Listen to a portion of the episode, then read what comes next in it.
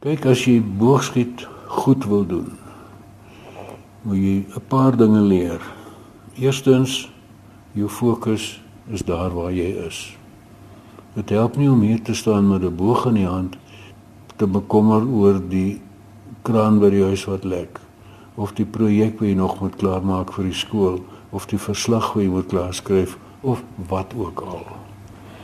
As jy daai soort van afleiding in jou kop het terwyl jy 'n boog in die hand het, gaan liewer huis toe.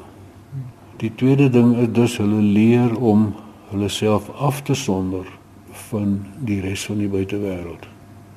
Baie van my senior boogskutters sal ook 'n opmerking vir jou maak. Ek is in my eie omgewing. I am in my own bubble. Ek stel nie belang wat buite aangaan nie. Dus jy leer daardie fokus op dit wat jy doen. En dis 'n ding wat ons baie keer vind op skooliere. Kyk, baie goeie skooliere kom in elk geval met daai fokus hier aan. Baie van hulle leer dit eers hier. Maar dis 'n algemene opmerking wat ons van skole terugkry. O, ja, ons het opgemerk dat hierdie persoon, wie ook al, se fokus is skielik heel anders. En dit dit waai oor na skoolwerk, na ander sportsoorte. Wat is die grootste tipe verandering wat jy in deelnemers sien, veral na 'n paar sessies of na 'n paar jaar? Selfvertroue. As jy nie selfvertroue het nie, gaan jy nooit deur daai spanning kry nie. Want daar gaan spanning wees. Dit is onvermydelik. Ons waarsku hulle voor die tyd. Moenie dink jy gaan nou jou beste telling skiet nie. Want onthou hierdie is mense wat op die internet kyk na die wêreld se bestes. Daar is 'n ranglys en hulle ken daai name en skielik staan daai name 'n meter na half van jou af. Ooh. Dis nou 'n heel ander omgewing. Hier is die groot manne hier om jou. En dit vat aan jou. As van jou studente jou sou aanhaal, wat sou hulle aanhaal? Wat sou hulle sê?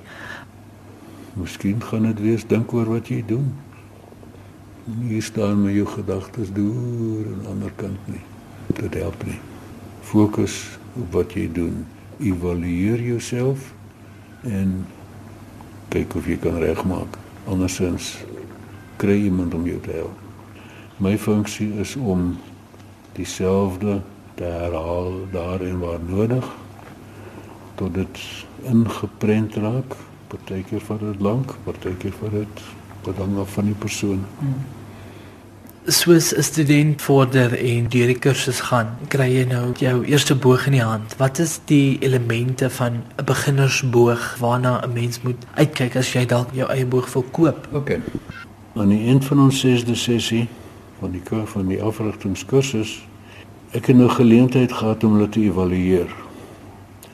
Dan sê ek vir hulle: Dis die boog wat ek vir jou aanbeveel. Dis die spankrag van die boog. Want die spankragte verskil. Dis die lengte van die boog want dit verskil. Hoeveel wil jy betaal?